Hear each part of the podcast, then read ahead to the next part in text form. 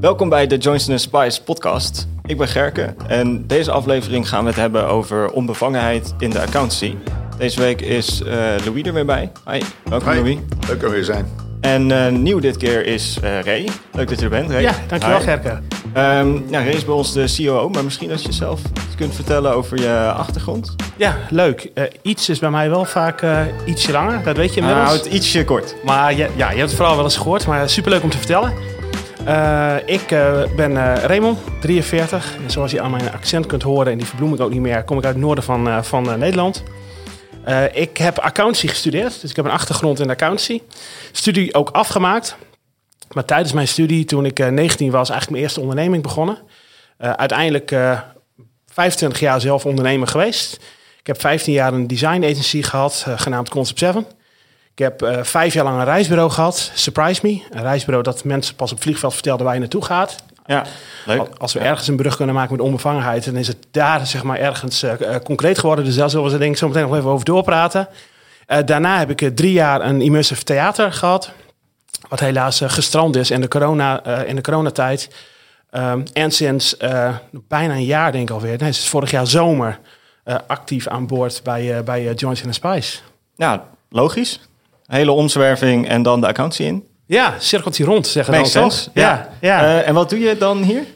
ik ben vorig jaar zo. Ik heb twee, drie jaar geleden heb ik nou, Louis en het team geholpen. Uh, toen ging het over uh, cultuur, uh, DNA, kernwaarden op tafel krijgen. Dat was heel leuk. Een paar tijdelijke klussen van een, van een paar dagen.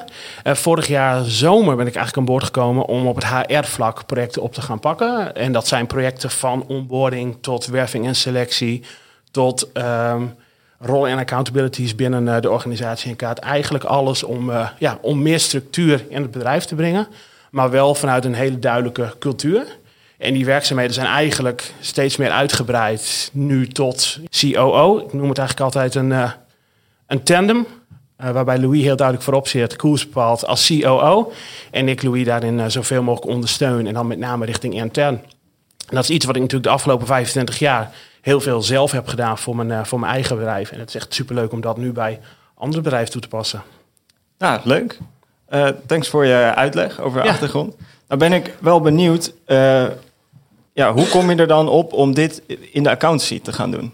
Ja, dat is een hele goede. Nou, misschien is het leuk om te beginnen bij überhaupt de vraag waarom uh, kies je voor accountancy? Ja, voor mij was het eigenlijk best wel een hele duidelijke keuze. Toen ik van de HAVO kwam en een economisch pakket had... en ik moest kiezen op de HEO wat ik zou gaan doen... dat ik naar de HEO zou gaan, was eigenlijk wel een logische vervolgstap. Toen, dus ik zou een economische richting gaan doen... was accountancy eigenlijk de enige richting waarbij ik wist wat ik zou worden... Als ik BE zou doen, BM zou worden of allerlei andere vakken, ja, wat word je dan? En ik ga nogal goed op een doel, gewoon een concreet doel. Hier gaan we naartoe. Dus ook binnen een organisatie een duidelijke stip. Ja. Hier gaan we met z'n allen naartoe. Nou, dat is de reden waarom ik accountancy heb gekozen.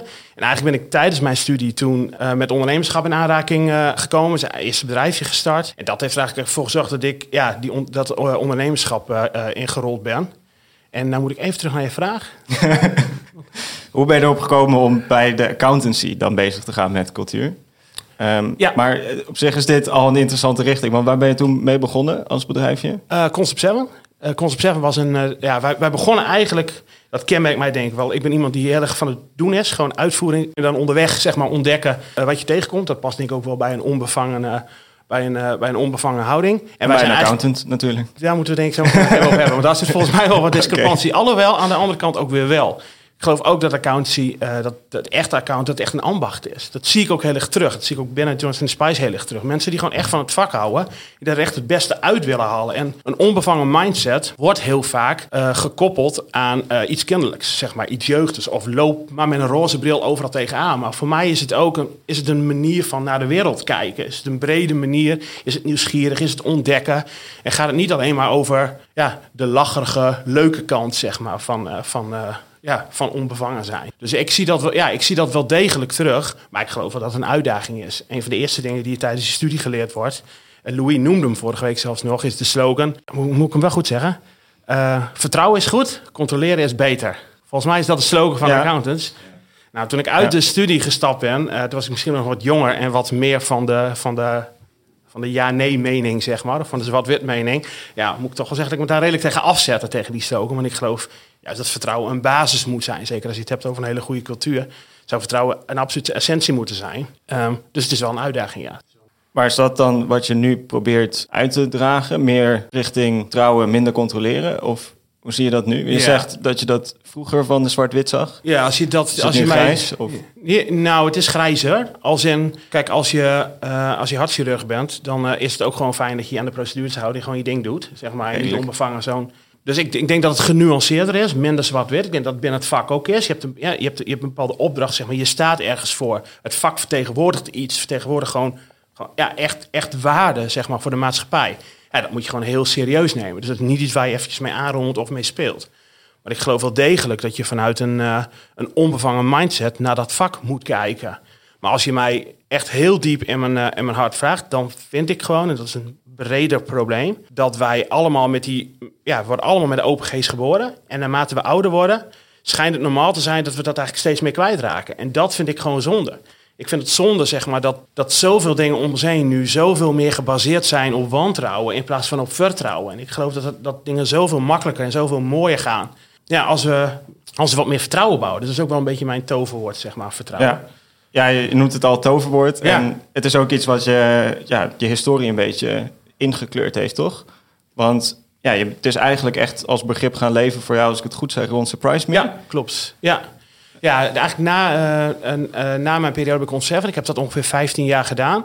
Zelf ook heb ik een tijdje een eh, coach gezocht om te kijken van waarom onderneem ik nu? Wat vind ik nu belangrijk? En daar, ik er, daar kwam eigenlijk al vrij snel op tafel dat ik dus geloof dat we te veel vanuit ons hoofd en te weinig vanuit ons hart leven. En daar uiteindelijk, zeg maar, in een, in een traject wat ik bij Spice Me gedaan heb, dat woord onbevangenheid hebben daar opgeplakt. En dan dus nu de onbevangenheid, de accountancy misschien proberen in te, te brengen? Ja. Hoe moet ik dat voor me zien? Ja, kijk, de onbevangenheid accountancy inbrengen is een... Uh, ja, ik denk dat dat een lange brug is. Ik denk dat je het, dat je het uiteindelijk moet, dat je het moet gaan hebben over cultuur. Ja. Um, en misschien is het leuk om eventjes, want ik denk dat het, dat het daarom ook past, zeg maar. Want in principe heb ik natuurlijk een redelijk atypisch profiel om bij een... Behalve dan dat ik accountancy gestudeerd zou hebben en je mij in principe nog zou kunnen ombuigen naar een, uh, naar een RA. In een ver verleden. Waar we uh, echt serieus naar op zoek zijn. Plug. Plug, kleine plug tussendoor. Nou, is belangrijk om te, is denk ik belangrijk om te zeggen. Eh, ik, als je kijkt naar de allereerste kennismaking bij Surprise Me, waren we op zoek naar een, uh, een accountant. We werden uh, controleplichtig daar. Ja, dan nodig je eigenlijk standaard 1, 2 van de Big Four uit. Ook uit mijn studie weet ik nog, dat waren eigenlijk de, de namen die dan als eerste naar voren kwamen. En uit het netwerk had ik uh, kwam Johnson Spice naar voren. Zij moet absoluut ook met Louis gaan praten. Louis kwam toen samen met uh, collega Joost langs. Ik heb, Louis was het derde gesprek wat ik had. Ik had de andere twee gesprekken gehad. En binnen vijf minuten wist ik het.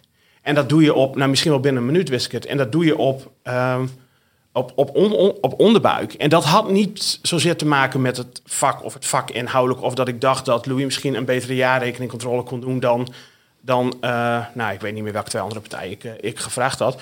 Maar dat had heel erg te maken met het feit dat ik het gevoel had dat Louis begreep wat wij aan het doen waren, waar wij mee bezig waren. En wij hebben denk ik anderhalf uur gesproken. We hebben denk ik een uur gesproken over hobby's, andere leuke dingen, over nou, een deel van de business, maar niet zozeer over het werk zelf. Want het werk komt wel goed, dat mag je ook verwachten. Die jaarrekening die komt wel goed. Waar het volgens mij om gaat, is dat je ook als, als organisatie een cultuur kunt scheppen waarin je er altijd kunt zijn voor je klanten. En waarin je die extra mijl wilt lopen. En waarin je het gevoel hebt van oké, ik zie hier iets en dan kan ik het laten liggen omdat het niet binnen mijn controle past. Maar ik denk, laat maar. Maar dat hele kleine dingetje daar kan misschien wat verschil maken voor zo'n ondernemer. Dus het is veel meer gedrag en houding. Het is veel meer ja, attitude. En ik denk, daar vinden wij elkaar heel erg op. Als je het hebt, op, als je het hebt over kernwaarden, over, over hoe je naar de wereld kijkt, hoe je naar ondernemen kijkt, ja, daar zitten heel veel raakvlakken. En daarom denk ik ook dat de, de brug zeg maar, niet zozeer gemaakt hoeft te worden over onbevangenheid. Dat is dan, mhm. ja, dat is dan iets wat ik meeneem. Maar veel meer gaat over ja, het neerzetten van een cultuur waarin mensen zich kunnen ontplooien, waarin mensen zichzelf kunnen zijn. En dat dus ook uitdragen naar alles en iedereen om zich heen, inclusief en vooral je, je klanten. Ja.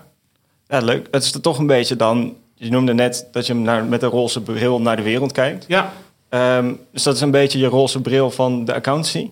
Dus iemand zegt, de accountant doet de jaarrekeningscontrole. Dat is dan de feitelijke bril. Ja, klopt. Ja. Wat is dan de roze bril misschien? Hm, Dat ik zie dat dit een organisatie is die echt het verschil wil maken in de accountancy. En die ziet dat een jaarrekening. Kijk, bij, bij, bij Sprijs, heel eerlijk, die jaarrekening interesseerde me. Ja, ik wist al lang hoe die cijfers erbij stonden. Wij, stude, wij waren iedere. Wij zaten bovenop die cijfers, iedere week, iedere maand. Dus ik krijg een jaarrekening en vervolgens zeggen jullie... nou, hij is heel goed, hij is een beetje goed... of hij doet dit nog een beetje anders. Waar het om ging, is... wij deden in het derde jaar deden wij al 30.000 reizigers. Wij waren een super enthousiast team... Dat er, dat er echt was voor onze reizigers. Wat altijd ons uiterste best deed voor die reizigers. Maar er was van alles niet goed, zeg maar. En, Ja. Intern. Er was van alles dat kon beter. Ehm, hoe, hoe processen door het bedrijf heen liepen. Juist die dingen waar jullie als accountant zeg maar, zo graag toen op wilden aansluiten, dat hadden wij gewoon nog niet voor elkaar. Dus ik zag het als een kans. Kom ons helpen. En dat is volgens mij een, een rol die je eh, als accountant zou moeten vervullen. In plaats van, dat heb ik ook gezien, weliswaar 20 jaar geleden, die man die met zijn aktentas, ik, ik, ik zet even een heel stereotype beeld neer, langskomt bij een, eh, bij een klant en die jou gewoon alle dingen gaat vertellen die je al weet. Die, die Ja. jaarrekening, nou, gisteren hadden we nog een leuk gesprek hierover. Een jaarrekening maak je voor een ander. Ik geloof ook als ondernemer, een businessplan, maak je plannen maak je voor een ander. Die maak je niet voor jezelf. Een ondernemer die een idee heeft en ergens voor gaat, die gaat en die heeft geen plan nodig. Alleen als de bank vraagt, ja, ik heb wel een plan nodig, dan maak je een plan voor de bank. Of voor je investeerders, of voor je aandeelhouders, of whatever. Voor jezelf heb je dat niet nodig. Om het uit te leggen eigenlijk. Ja, want dat voor hetzelfde zit dat in je hoofd. En je weet toch waar je naartoe wilt. Je gaat die kant op en dan ga je heel hard achteraan rennen.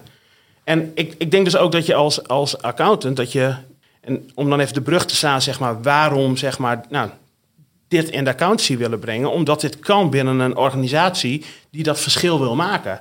Ik zie in Louis iemand die de accountancy een klein beetje wil, gewoon een klein beetje wil draaien. Omdat hij ziet dat de wereld eigenlijk de andere kant op gaat. En de accountancy daarin mee moet. En dan heb je heel veel vakmensen heb je, eh, heb je aan boord. En aan de andere kant heb je heel veel te doen in je organisatie hier. Ja, om die mensen eigenlijk een warm ba- bad te kunnen geven. Van waaruit ze eh, eh, gaan werken. Ja, en dat is gewoon superleuk om aan te werken. Dat is wel grappig woorden, hè? eigenlijk. Ik had het dat van tevoren beloofd, hè? Ja, dat had je. Ik had het je van tevoren het gezegd. Ehm, wat ik wel grappig vind wat je zegt, is eigenlijk eh, toen destijds Louis, eh, of eigenlijk ja, ons team als accountant, Ja. bij Surprise langskwam. Ja, Dat die kwam helpen om de organisatie door te ontwikkelen. Een beetje die, ja, die professionaliseringsslag misschien in, in de ja zeker. eh, organisatie. En nu kom je een soort van vanuit de andere kant die lessen van het, hoe zeg je dat? Ja, dat enthousiasme in dat vak, wat wij hier allemaal eigenlijk wel Hebben. vinden van het vak, Ja. maar nog wel eens moeite hebben om dat echt uit te dragen. ja, Dan ben je bezig om ja, Ja, te kom. kijken hoe kan je dat dan in zo'n organisatie er weer inbrengen. ja, daar kom ik bij helpen. Want ik vind gewoon, dat vind ik echt, dat eh, Johnson Spice een, een eh, onontdekt pareltje is. Ja, als je, als je eh, eh, en zeker in die tech-sector, waar wij natuurlijk ook in zaten... en waarin we binnen Johnson Spice natuurlijk ja, bijna al onze klanten zeg maar, bedienen...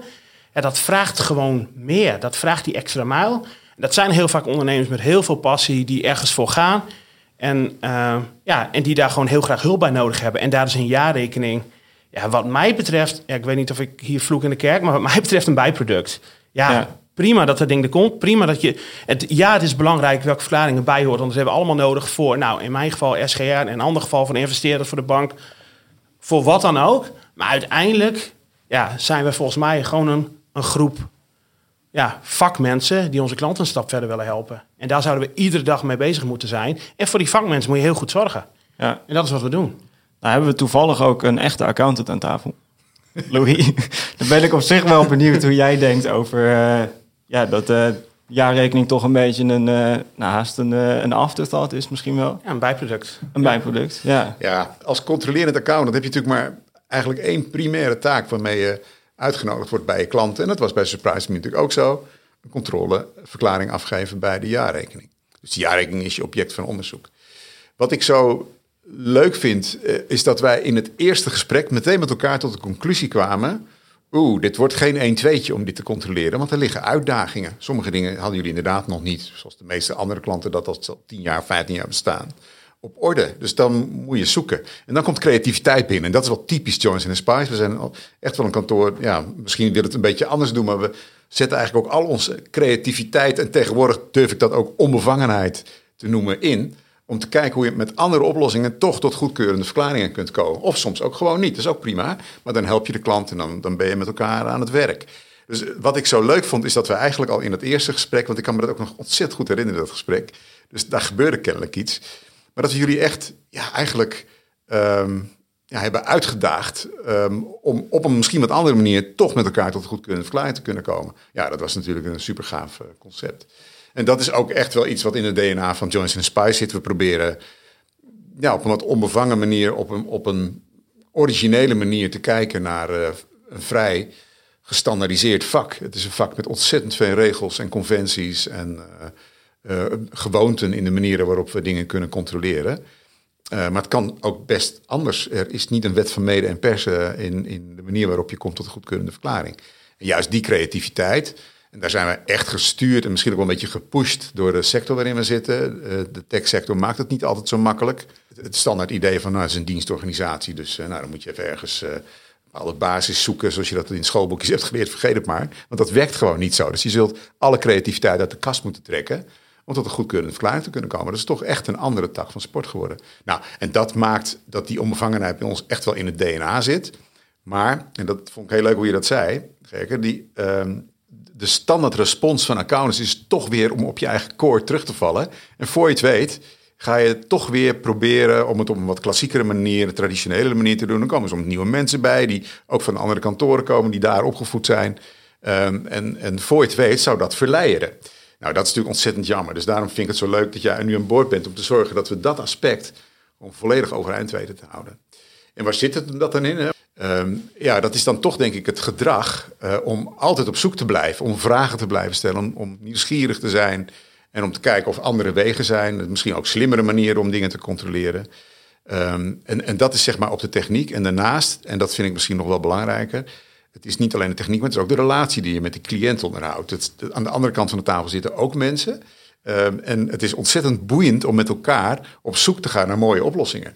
Wat ik hier nog een beetje in mis, is eigenlijk wat jij net ook al noemde, is dat ontwikkelen van die organisatie. Zeg maar. je, je bent op zoek ook naar iemand als die dan toch je hele organisatie moet doorlichten om de jaarrekening te controleren, help ons dan ook om verder te komen. Mhm. Eh, want je hebt immers al die kennis. Ehm, en dat merkte ik iets minder terug in jouw verhaal net, Louis. Ik ben op zich wel benieuwd als je dan binnenkomt bij zo'n organisatie. Uh, en je moet dan de jaarrekening controleren. Maar je ziet ook ja, allerlei informatie voorbij komen natuurlijk. Hoe lopen die processen? Hoe gaat het eraan toe? Ja. Begint er dan iets, iets te jeuken, iets te kriebelen? Ja, of, ja. ik wil het woord borrelen al gebruiken. Dan gaat het meteen borrelen. Hè? Want dan denk je, hoe zouden we dat nou eens goed in elkaar geknoopt kunnen krijgen? Eh, want je hoort vaak uh, een ondernemer of een, uh, een vaak uh, traditioneel start je al vaak bij een CFO. Hè? Dat is al een mooi voorbeeld. Dat doen wij anders. Wij gaan bijna altijd al in het eerste of in het tweede gesprek maar in elk geval heel vroeg in het proces gaan we met de CTO in gesprek. Want we willen snappen hoe zo'n platform in elkaar steekt. Dus niet een kwestie van, nou, we moeten even onze IT General Controls in kaart brengen. Dus eventjes de toegangsbeveiliging regelen. En, uh, zodat we misschien wel of niet kunnen steunen op, uh, op de data. Tuurlijk, is belangrijk. Maar waar het ons vooral om gaat is, dat landschap moeten we echt begrijpen. En dan komen we bij de ondernemer. En er zit een ontzettende spannende relatie tussen de ondernemer en de CTO. Heel vaak bij onze cliënten. Ehm, de ondernemer weet natuurlijk donders goed hoe zijn businessmodel in elkaar zit. We moeten ook niet de intentie hebben dat we dat beter begrijpen dan hij zelf, want dat is de ondernemer, die, die weet dat.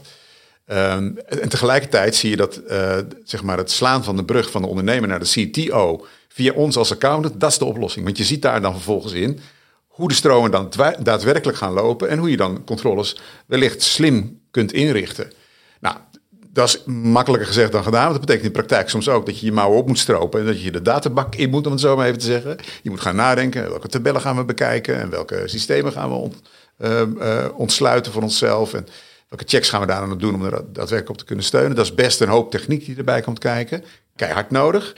Maar je ziet toch dat de basis eigenlijk ligt bij de creativiteit tussen ja, het driehoekje ondernemer, CTO en accountant om te komen tot goede oplossingen.